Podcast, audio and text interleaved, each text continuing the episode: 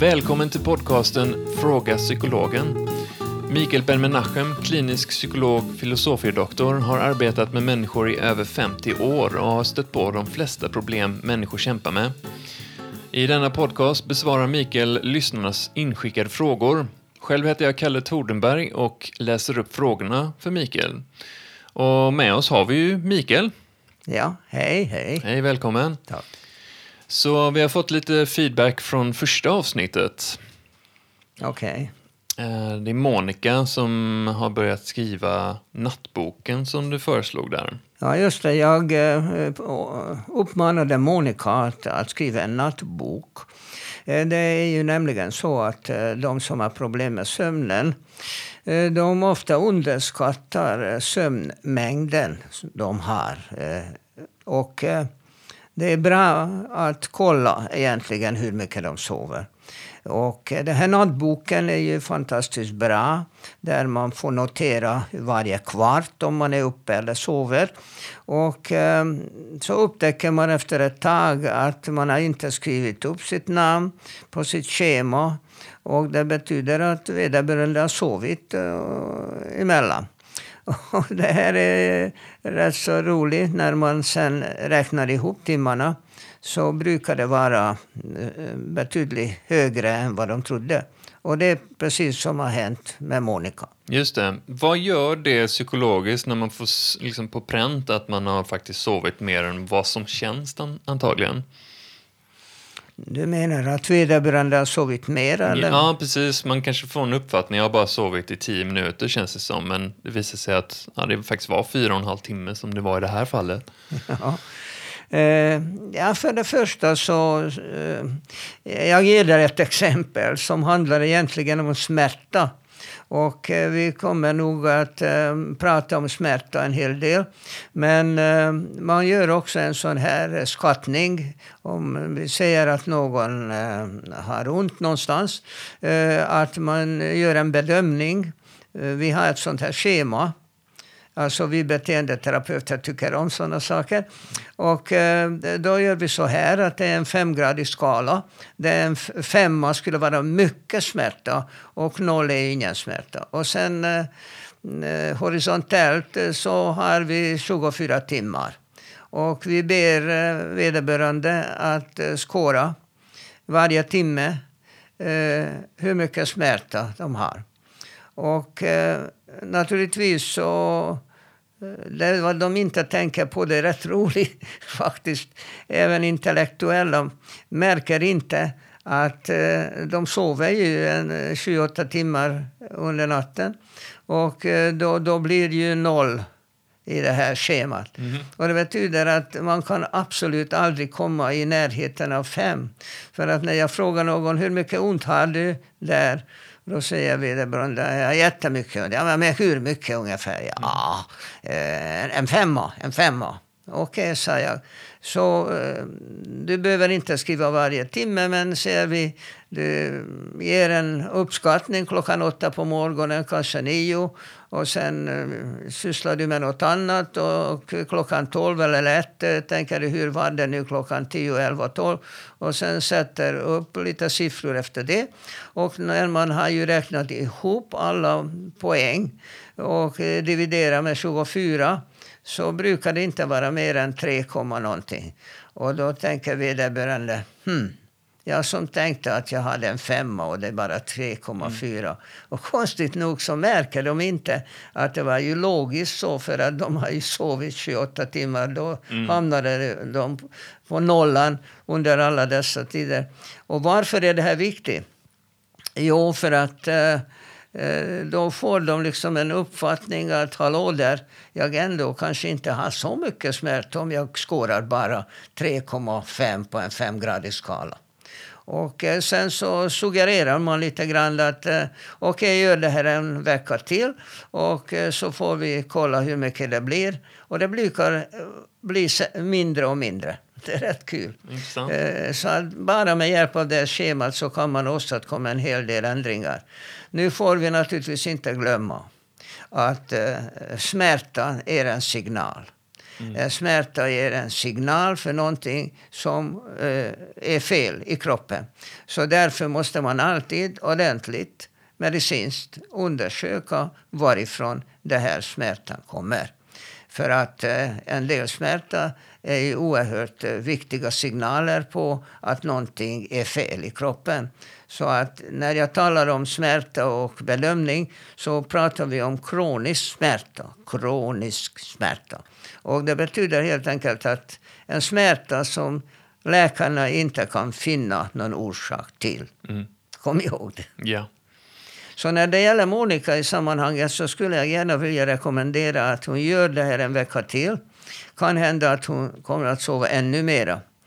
Och hon har ju problem med att somna in och det är det vanligaste problemet. För att eh, hjärnan är ju eh, full med alla möjliga och omöjliga tankar.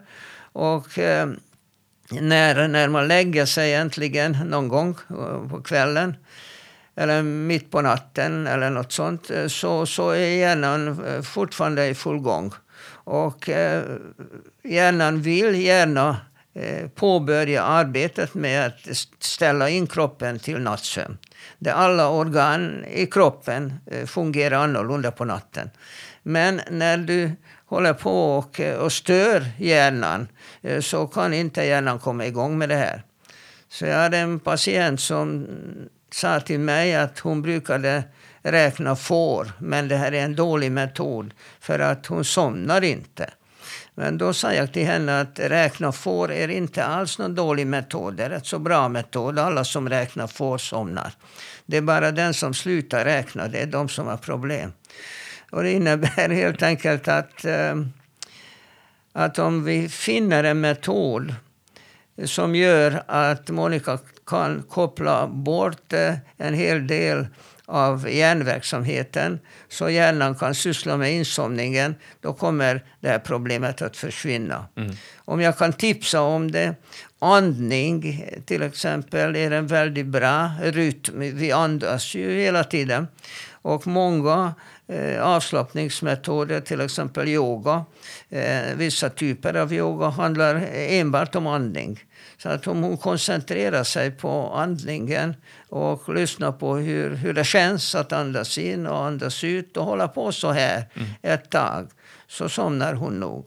Det kan jag intyga också, en jättebra metod. Jag har haft perioder i livet där jag har jag har aldrig haft svårt att somna in, men däremot eh, har jag haft perioder där jag kroniskt vaknar två, tre på morgonen och eh, direkt börjar tankar om saker som jag inte kan saker som jag inte kan göra just då i sängen eh, mitt i natten, eh, tidigt på morgonen, kan uh, göra något åt. Um, skifta, skifta medvetande mot bara liksom uppleva inandning, utandning, ja. till slut lugna ja, hjärnan. Det är, alltså, det är ju så helt enkelt som jag har sagt förra veckan också att vi alla sover efter ett mycket bestämt mönster varje sömnperiod, och vi brukar ha fyra, fem perioder varje natt, eh, består ungefär en och en halv timme. Och så har vi fem olika sömntyper i varje period.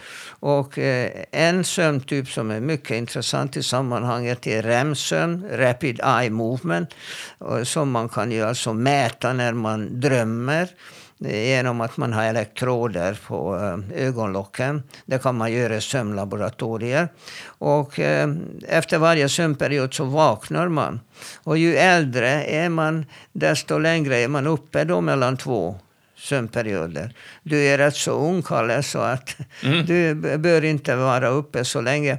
Och det, det ungefär fungerar så som en tågtidstabell. Alltså om du är uppe och eh, går ut kanske till toa eller eh, dricker lite mjölk eller vatten eller någonting och lägger det tillbaka, eh, då somnar du mm. om. Men eh, om du är uppe längre än så, kanske 15 minuter, då har vi problem. Eh, då har det här sömntåget gått då lovar jag dig att du inte kommer att somna för eh, en och en halv timme ungefär, vad den du gör. Mm. Du kan försöka naturligtvis, men inte alltid lyckas.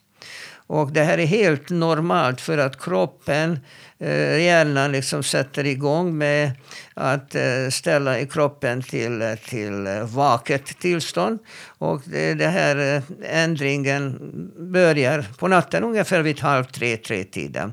Då är man kissnödig och eh, törstig och så vidare. Så att det är helt okej att man går ut. Huvudsaken är bara att man går tillbaka till sängen och inte håller på med något annat för att då missar man tåget. Hoppas det här hjälper Monica. Eh, fortsätt med nattboken och eh, att du kommer i ordning med, med sömnen som är så viktig. Vi har fått nya frågor för dagens program och första frågan kommer från en gymnasist som säger att han pluggar jättemycket men får ändå dåliga resultat. Eh, han vill ha lite hjälp med detta. Vad säger du Mikael? Okej. Okay. Jag, jag, har faktiskt eh, sysslat väldigt mycket med studieteknik. Det är till och med skrivit en bok om detta. Jag kan inte rekommendera för att det är enbart på ungerska. Men mm -hmm. eh, tyvärr så måste jag erkänna att, eh, att vi måste utveckla en helt ny metod för studieteknik. För att den tekniken som jag beskrev i min bok Eh, då har inte internet och paddan och telefoner har egentligen kommit igång som det är idag. Så vi får hitta eh, lite, lite grann nya metoder. Men det som är viktigt i sammanhanget och det skulle jag vilja säga till gymnasisten som är absolut viktigast. Det är att eh, hela den här inlärningsprocessen är eh, i två delar. Du har ett material oavsett om du ser det här i datorn eller i en bok. Och eh, din uppgift är att på något sätt så få in det här materialet i ditt huvud. Det är första målet. Att det, någonting finns, eh, ett material någonstans i, i digitalt eller i en bokform. Och det här materialet måste du få in i hjärnan. Det är första uppgiften. Mm. Den andra uppgiften, och det är mycket lättare, att få det här materialet från eh, ditt huvud eh, till eh, läraren eh, som sedan bedömer dina kunskaper. Så enkelt är det. Eh, frågan är bara hur du gör det. Och eh, där finns ju lite olika varianter. För det första, det fanns en eh, forskare i Tyskland i 1800-talet som hette Hermann Ebbinghaus. Och Ebbinghaus var väldigt intresserad av det, hur, hur vårt minne fungerar. Och han har, eh, han har upptäckt någonting som vi kallar för meningslösa stavelser. Och det bestod av tre bokstäver som inte hade någon mening. Det spelar ingen roll vilket språk. Okay. Tre, tre konsonanter. Eller eh, en, en vokal och två konsonanter, något sånt. Och eh, han kallade dem för eh, enheter, eller på engelska skulle jag kalla det för digits. Och eh, han eh, skrev upp, eh, säger vi, 20 stycken sådana. Och eh, sen så tog han tid på hur lång tid det tog för honom att, att lära sig alla 20. Och eh, sen kollade han hur många han kom ihåg av de här eh, efter 6 timmar, efter 12 timmar, efter 24 timmar. Och efter det här så, så ritade han upp en inlärningskurva. Och hör och häpna, de här eh, kurvorna av inlärningskurvor som Ebbinghaus har utarbetat i 1800-talet, det står fortfarande i psykologiska böcker mm. om inlärning. Och jag trodde också på det. Ända fram till jag började skriva min bok om eh, inlärning och eh, studieteknik. Och jag satt då eh, i universitetsbiblioteket i Jerusalem. Och där började jag förstå att, att så funkar det inte alls. Varför? För att hjärnan tycker inte om meningslösa saker. Hjärnan avskyr, av, av, avskydde Ebbinghaus. Hjärnan gillar inte det. Hjärnan vill ha något meningsfullt och häng med. Hjärnan vill ha något roligt. Mm. Alltså om, om du lär dig, om du vill till exempel lära dig ord i ett annat språk och någon ser vad det heter och eh, efter en minut så har du redan glömt. Eh, hur du ska komma ihåg det, det är att koppla det här nya ordet till något annat. Det kan vara vad som helst. Och det är det som studenter ofta inte vet. Att när du håller på att plocka material från en bok till din hjärna så kan du använda i princip vad som helst. Det här är en privat grej. Det är hemligt. Mm. Det angår ingen annan. Hur du får in ett material i hjärnan, det bestämmer du. Det behöver ingen veta om. Bara du kan det. Och den får vara riktigt rolig. Så att det, det, det första steg som jag, som jag skulle vilja föreslå att om det här materialet kommer, eh, säger vi digitalt, att du för, lär dig att plocka ut det som är viktigt. För att kom ihåg att vad vi behöver kunna, det är vad den här texten handlar om. Men en författare har ju sin vokabulär och eh, beskriver en sak på sitt sätt. Du behöver inte kunna det. Du behöver inte kunna författarens text. Det, det, det, det ska du inte eh, eh, producera. Du behöver inte kunna det här. Du behöver kunna bara vad, vad det här handlar om och inte hur det här är beskrivet. Det här är enormt viktigt. För att när du vet vad det handlar om så kan du liksom paketera det i ditt eget språk och då får du ändå bra betyg. För att det är vad det handlar om. Så att alla de här idiotiska metoderna att ta färgpennor och stryka över och under texter, det bara gör att, eh, att det här eh, texten är svårare att se. Så det har absolut inget värde. En bok, om du har en bok som du måste kunna, så gör inte sådana understrykningar med färgpennor och allt annat så det här är dumt. Utan ta eh, kollegieblock och försök att plocka ut vad som är viktigt av den här texten. Hur författaren beskriver det är inte så viktigt. Och försök skriva med dina egna ord. Och du behöver inte skriva vetenskapsman, du kan skriva gubbe eller allt sånt här som är roligt och som underlättar att du kommer ihåg. Och man kommer ihåg också geografiskt. Det finns ju metoder för det. Att om du skriver en, en anteckning att du vet ungefär var ett namn stod på, på sidan. Och du kan göra sådana små eh, roliga teckningar också. Att, eh, att du kommer ändå bättre ihåg när du ser en bild som du själv har producerat. Sen när du fick in det här enbart genom att eh, göra dina anteckningar. Om du gör det här på din padda eller eh, per hand, det spelar inte så stor roll. Men det spelar en viss roll. För att om du skriver med din hand, eh, då arbetar ju handen. Och du tittar på vad du skriver eh, så att ögonen arbetar också. Och sedan eh, du mumlar också lite grann när du skriver och då arbetar också öronen. Alltså du använder alla dina, eh, alla dina eh, känsloorgan mm. eh, för att få in det här materialet. Så därför är det att skriva mycket bättre än att bara titta på skärmen. Och även faktiskt bättre än att, att skriva eh, på paddan att göra dina anteckningar på paddan. Men att inte göra anteckningar, bara stirra på texten oavsett om det är digitalt eller, eller i bokform. Att stirra det här om och om och om och om igen. Det här är den värsta studieteknik jag kan mm. tänka mig. Det. det. här handlar om ämnen typ eh, SO, litteratur, eh, historia och sånt. Det gäller inte matematik. Eh, matematik måste man förstå.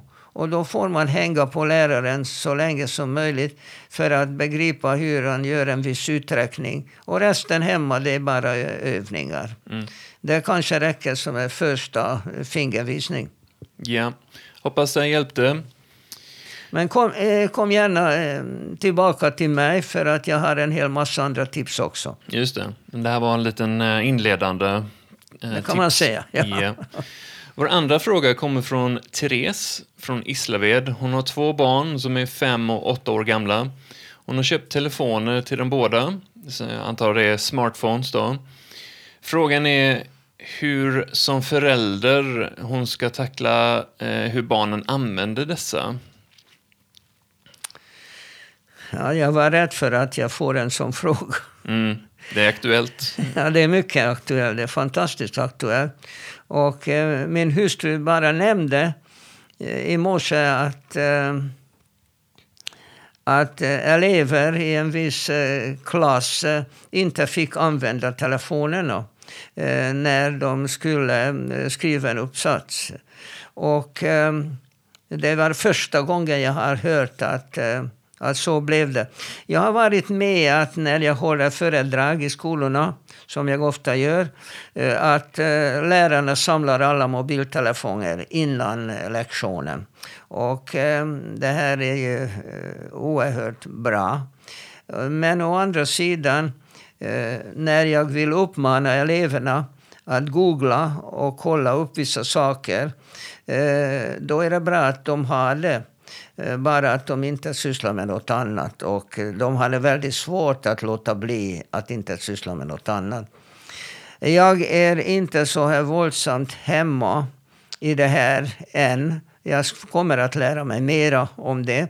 Framförallt så vill jag veta mera om vad barnen egentligen sysslar med när de är på telefonen hela tiden. Ja, det kan jag faktiskt ge lite insikt i. Jag har ju två barn, en åtta eh, och en elvaåring.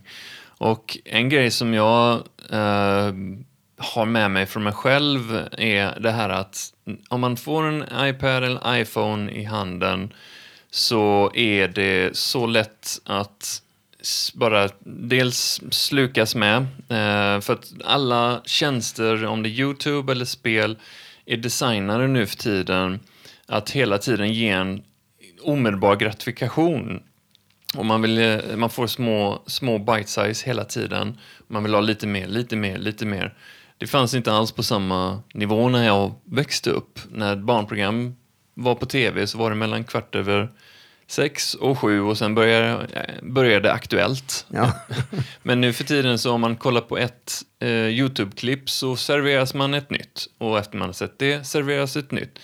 Så där, är det ju, där kämpar man med äh, starka liksom, gratifikations och sådana belöningssystem. Ja, det är precis det, det som är det, det viktigaste i sammanhanget. Det är precis som vad du säger, Kalle. Att eh, barn måste ha omedelbart beröm. Mm. Eh, det, det här eh, typen av um, beröm eller bestraffning, att vänta du bara tills pappa kommer hem, då får du. Det hade jag hört när jag var liten. Mm. Ja, det, det, och så kommer pappa hem och, från arbetet och så kommer mamman och säger Vet du vad det här rackarungen har gjort eh, i morse? Och då har vi mängder med timmar emellan. Och eh, även mamman har redan glömt delar av det här. Och pappan är ju totalt eh, borta. Eh, från det här. Och ska han då bestraffa barnet på något sätt för någonting som, som han inte ens känner till eh, riktigt och kan inte vara med i sammanhanget på något sätt. Det, det lät ju fånigt. Och Vuxna vill också ha beröm. Mm. Och vilken beröm får vi som vuxna? Ja, till exempel månadslön. Ja, men det får vi bara en gång i månaden. Eh, ett barn kan inte vänta, vänta en månad för att få beröm för någonting som hon har gjort. Eh, och därför är eh, de här internetspelen är ytterst farliga för att de ger beröm hela tiden och talar om för dig att du är duktig. Och eh, förmodligen, och eh, det här hänger ihop med algoritmen, att eh, de som att de tillverkar de här programmen, de, de mycket, mycket raffinerat bygger in det här belöningssystemet. Och det är därför barn tycker om det här, för att de får ju belöning hela tiden. För att kommer ett barn hem från skolan, säger vi din var det åtta år gammal. Va? Mm, ja. Mm. Och då mm, kommer hem från skolan och då frågar mamman eller pappan hur var det i skolan? Och då svarar barnet, ja det var okej. Okay. Och så går hon till sitt rum eller till vardagsrummet med sin telefon och där är hon.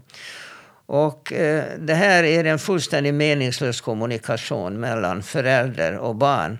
För att frågan var dålig och svaret var dåligt. För att barnets svar kan man förstå för att hon har fått en dålig fråga. Man ska inte fråga ett barn hur var det i skolan. För att eh, det är en så allmän fråga att det går inte att svara på. Mm. Om det här föräldern däremot vet vad eleven hade för lektioner den dagen. Vad heter lärarna? Eh, de flesta föräldrar vet inte vad barnets eh, lärare heter. Och så kan man fråga, hur är det här läraren? Vad tycker du om henne? Eh, brukar hon eh, berätta saker så du förstår? Eller är hon rolig? Eller eh, är hon bra kompis? Eller framförallt det som eleverna mm, är mycket förtjusta över om en lärare är kunnig. Då behöver mm. inte vara rolig eller, eller kompis eller någonting. Eh, eleverna tycker alltid om när de förstår att det här läraren vet vad den pratar om. Och om föräldern känner till och då säger Jaha, vad har Rolf eh, berättat om idag i matematiken? Har ni börjat med något nytt idag? Eh, ja, då, då, då vet din son att dels eh, så vet du vad läraren heter, du vet hurdan han är och vad de sysslar med.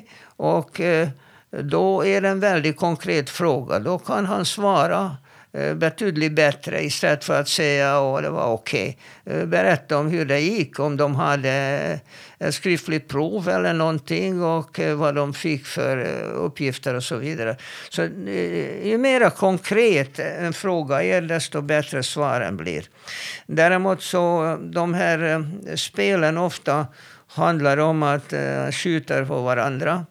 Och eh, man får tala timmar om det här varför barn är eh, roade av att skjuta på eh, någon eller något. Om, om det här ger en sorts tillfredsställelse. Det här är ett ämne för sig. Men internet erbjuder en hel massa annat också. Och om föräldern inte bara betraktar, jag pratar inte om dig Kalle, mm. överhuvudtaget, om föräldrarna tycker att, ehm, att de vill veta mera om det här eh, så får man sätta eh, sig bredvid barnet. Och först inte göra någonting, men låta barnet göra vad, vad hon håller på med.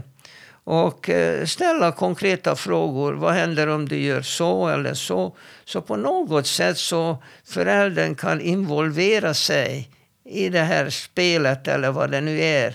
Och om, om föräldern vill verkligen göra nytta. Eh, så, så snart de började förstå kan till och med spela ihop med barnet.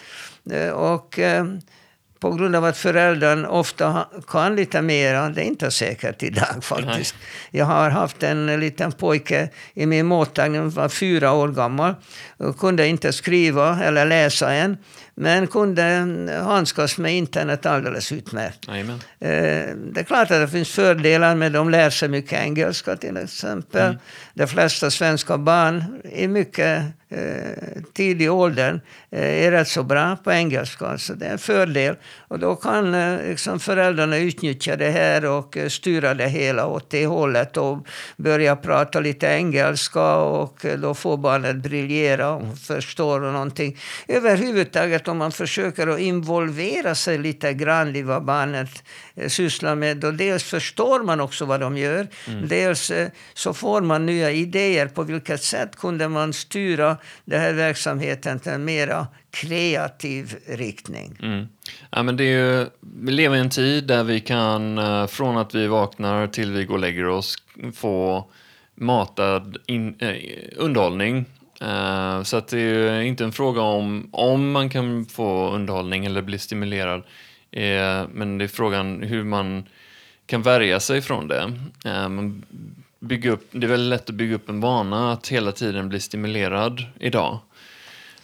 Ja, så eh, om, om man kan eh, lyckas med att styra barnet att, att syssla med saker på internet mm. som kräver någon sorts kunskaper eller skicklighet. Det, alltså att, att det utvecklar mm, någonting hos dem, att det utvecklar reaktionssnabbhet eller, eller mm. någonting som, som de kan vara stolta över. Mm. Det är ungefär som när, när mamman eh, håller på med sudoku och upptäcker, aha, så blir det. Mm. Så det är alltid en sorts eh, beröm. Och eh, när barnet får beröm på det sättet att, att eh, hon får lite större uppmaningar. Mm. Att, att inte bara titta på någonting. Istället eh, försöker och leka med någonting som engagerar dem. Alltså att barnet måste själv göra någonting. Låter bra. Hoppas det här kan hjälpa Therese. Nästa fråga handlar om huvudvärk, alltså huvudvärk som inte kan släppa släppa. Det är en som frågar om detta och helst vill inte bli beroende av smärtlindring. Har du några bra, har du några bra tips där, Mikael? Alltså, eh, det här är en svår fråga. De flesta människor har huvudvärk eh, här och var. Och eh, en del har det mycket ofta. Så det, det första är det, och jag antar att, att du har varit hos läkare och framförallt neurolog. Och de kanske gjort en magnetröntgen.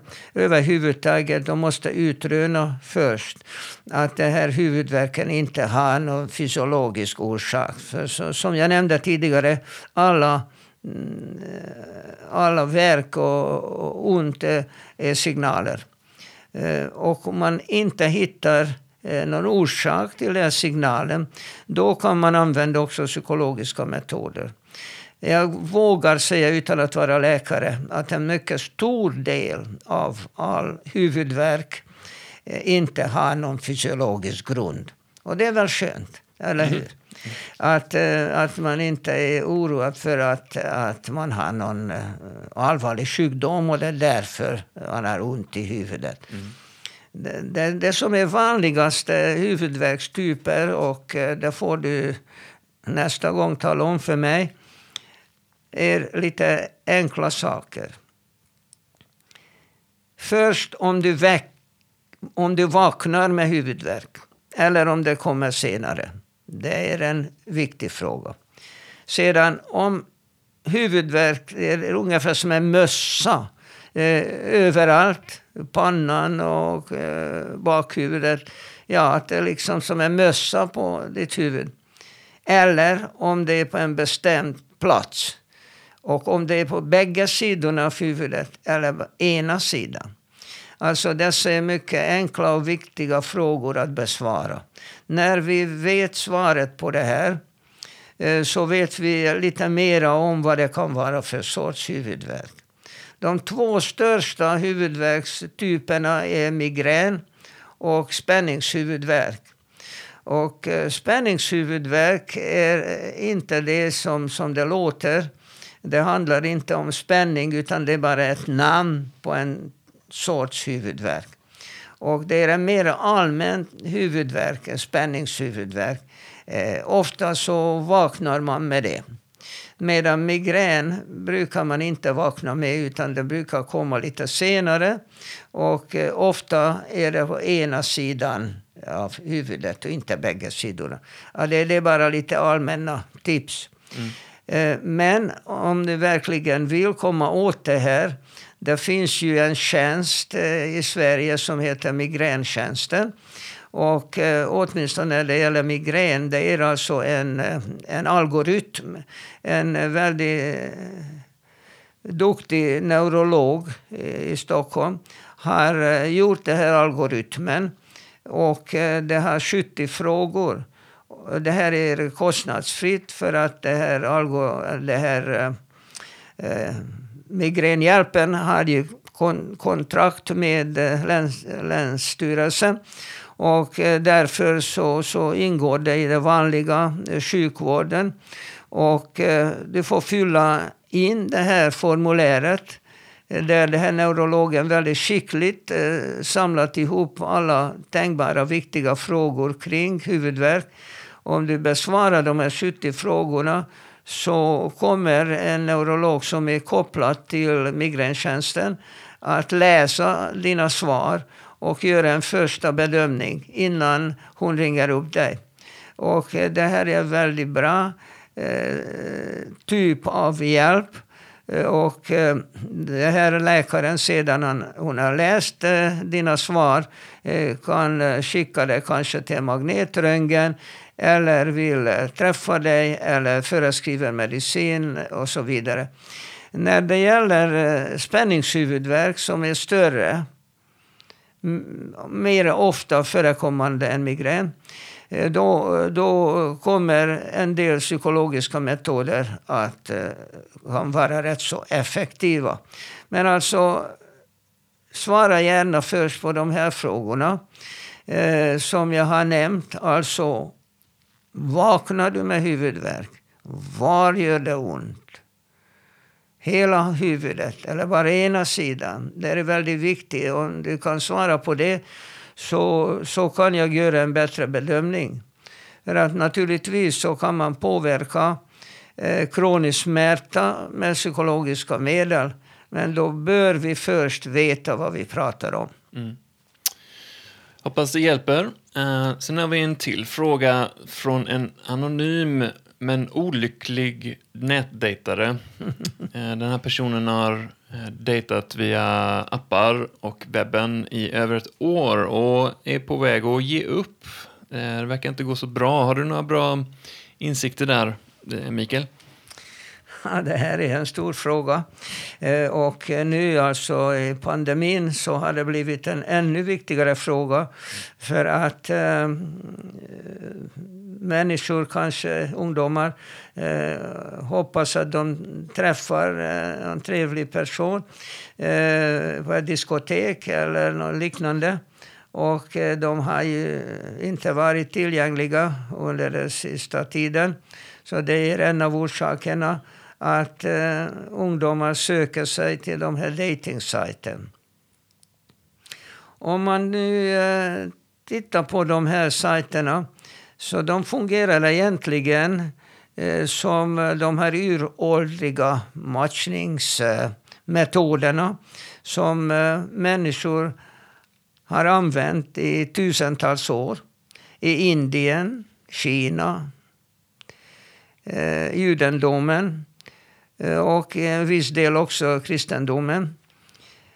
Och det är att eh, föräldrarna eller någon duktig person Eh, Eh, som eh, samlar data om olika personer. Och ja, i Indien så, så får föräldrarna gå till en sådan eh, matchmaker eh, och berätta om sig själva och barnet som de vill gärna att det blir gift. Och vederbörande har då en databank och i den här databanken finns ju en hel del personer. Och eh, man försöker att göra en grundmatchning och rekommenderar eh, tänkbar person att möta.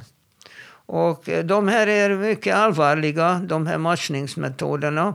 Och så har de fungerat i många tusen år. Eh, och dessa äktenskap som byggs på sådana matchningar brukar hålla rätt så bra mycket bättre än eh, sådana här diskokontakter. Eh, som ofta ger rena sexuella attraktioner eh, och som sedan efter några dagar eller veckor så vaknar man och tittar på vem som ligger bredvid och inte vet någonting om vederbörande. Om, om, om hans eller hennes tankar eller känslor eller idéer, intressen, ja, mm. en hel massa saker. Utbildningsnivån och mycket annat. Så att de här gamla metoderna de är inte så tokiga. I, uh, i Israel brukar de göra så här i vissa religiösa kretsar. Att man går till en, en sådan ska vi säga, yrkesman, för att det är ett yrke faktiskt, eh, och berättar om sig själv. Och eh, vederbörande från sin databank lyfter upp eh, en annan person Och eh, tycker att de två kanske skulle passa ihop. Åtminstone eh, om man tittar på de här parametrarna. Och det är många. Det kan, och det blir bara bättre och bättre när algoritmerna sprider sig. Eh, till exempel eh, det som brukar vara väldigt viktigt är naturligtvis utseendet. Eh, att man vill ha en vacker person. Det, det är väldigt typiskt.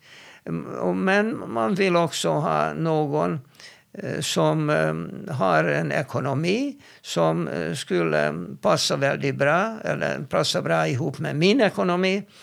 Att välja någon som har vissa egenskaper som jag eh, bedömer är viktiga. Och det kan vara väldigt många olika. Det kan hända att de tycker om eh, samma sorts eh, sportaktiviteter till exempel. Ja, det kan vara olika andra aktiviteter som kan vara gemensamma. Men också eh, personliga mm, eh, egenskaper.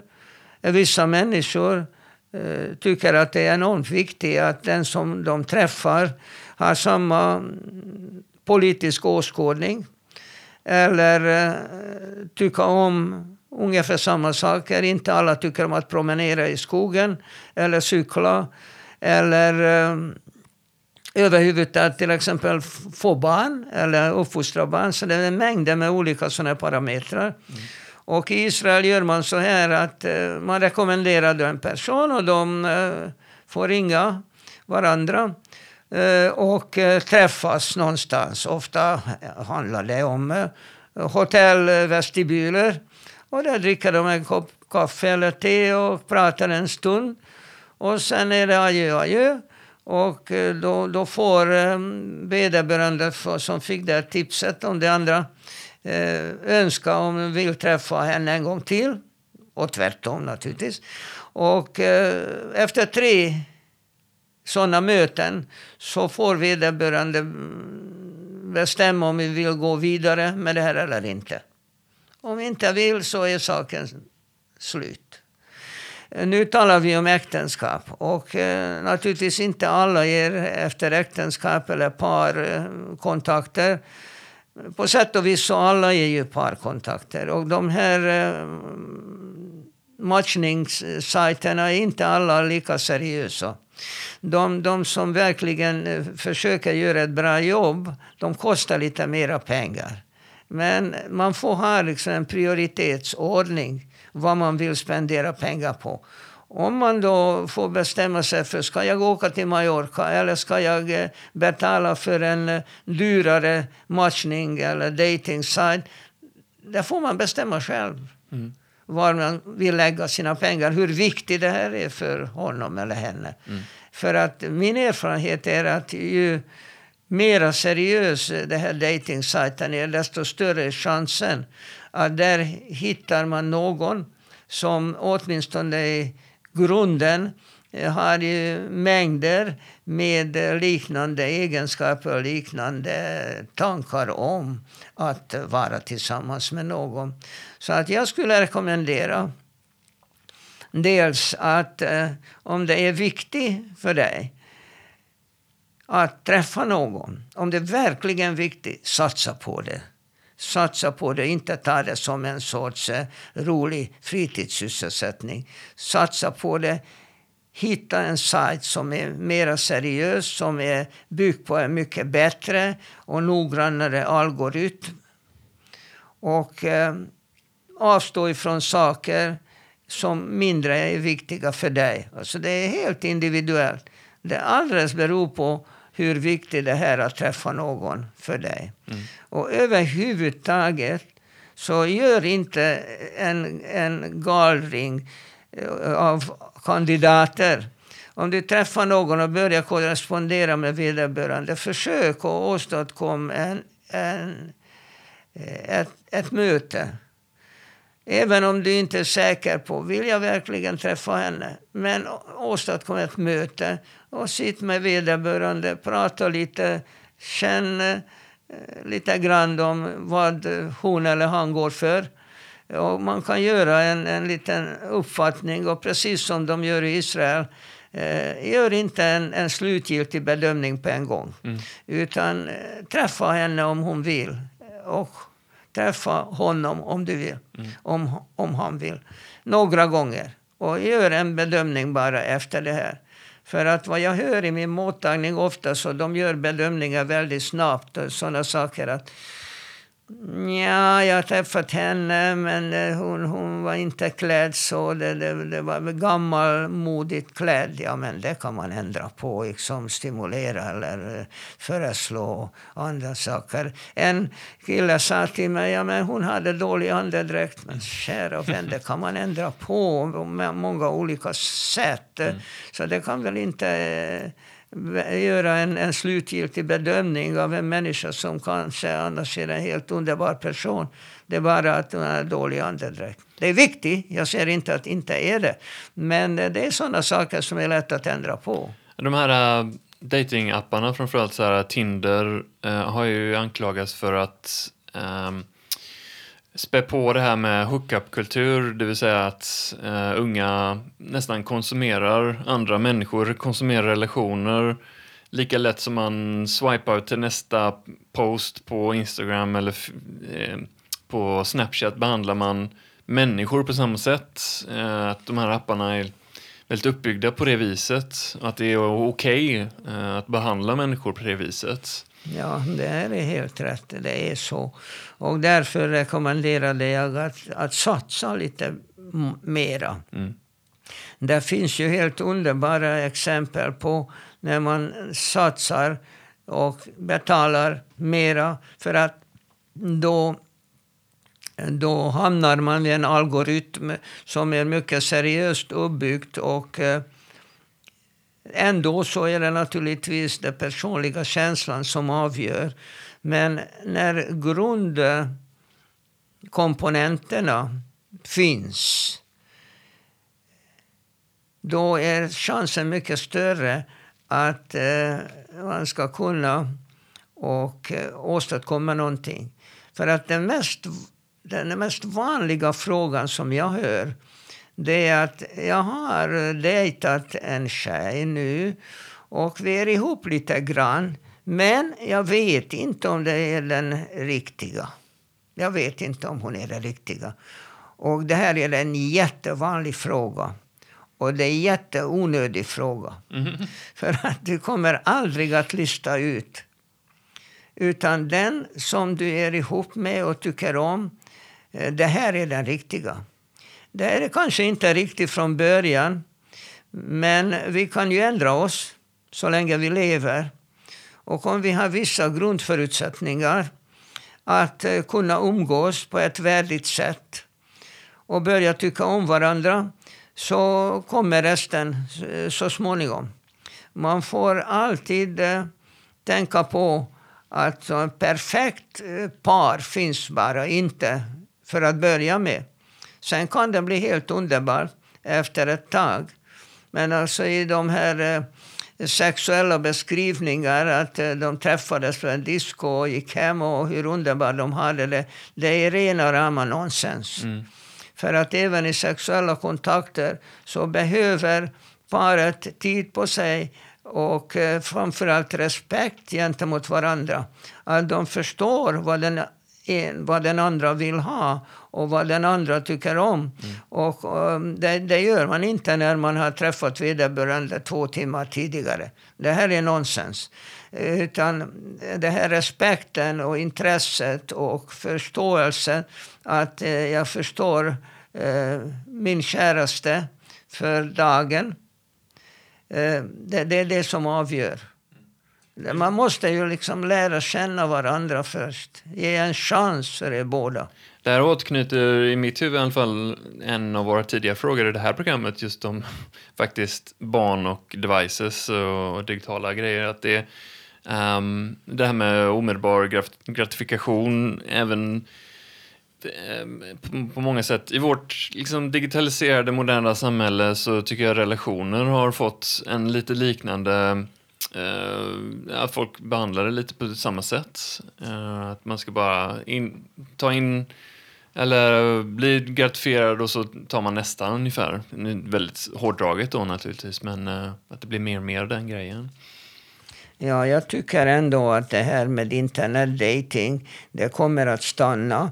Det är fortfarande, tycker jag, är ett mycket, mycket bra sätt att träffa någon. Och eh, ensamhet är i regel mycket värre än tvåsamhet. Mm. Men den här tvåsamheten är kanske inte det bästa, åtminstone att börja med. För att när du träffar någon så vederbörande kanske är 20 eller 30 eller 40 års ålder och har en ryggsäck som innehåller mängder med vanor och sätt och tankar som du har lärt dig hemma när du var liten och senare och kanske av ett annat eh, äktenskap eller parförhållande eh, som inte fungerade. Och den andra har också en ryggsäck och också har alla de här vanorna och erfarenheterna. Och eh, så får vi eh, ta ihop det här, två ryggsäckar. Och till och med om, om de här två människorna är ihop ett tag, att starta en, en ny ryggsäck mm. med vanor och, och sätt och tankar som de gemensamt har utvecklat. Och det här är, en, en långtidsprocess. Det här går inte så här hux flux på en gång. Nej, verkligen inte. Hoppas det hjälper anonyma nätdejtare.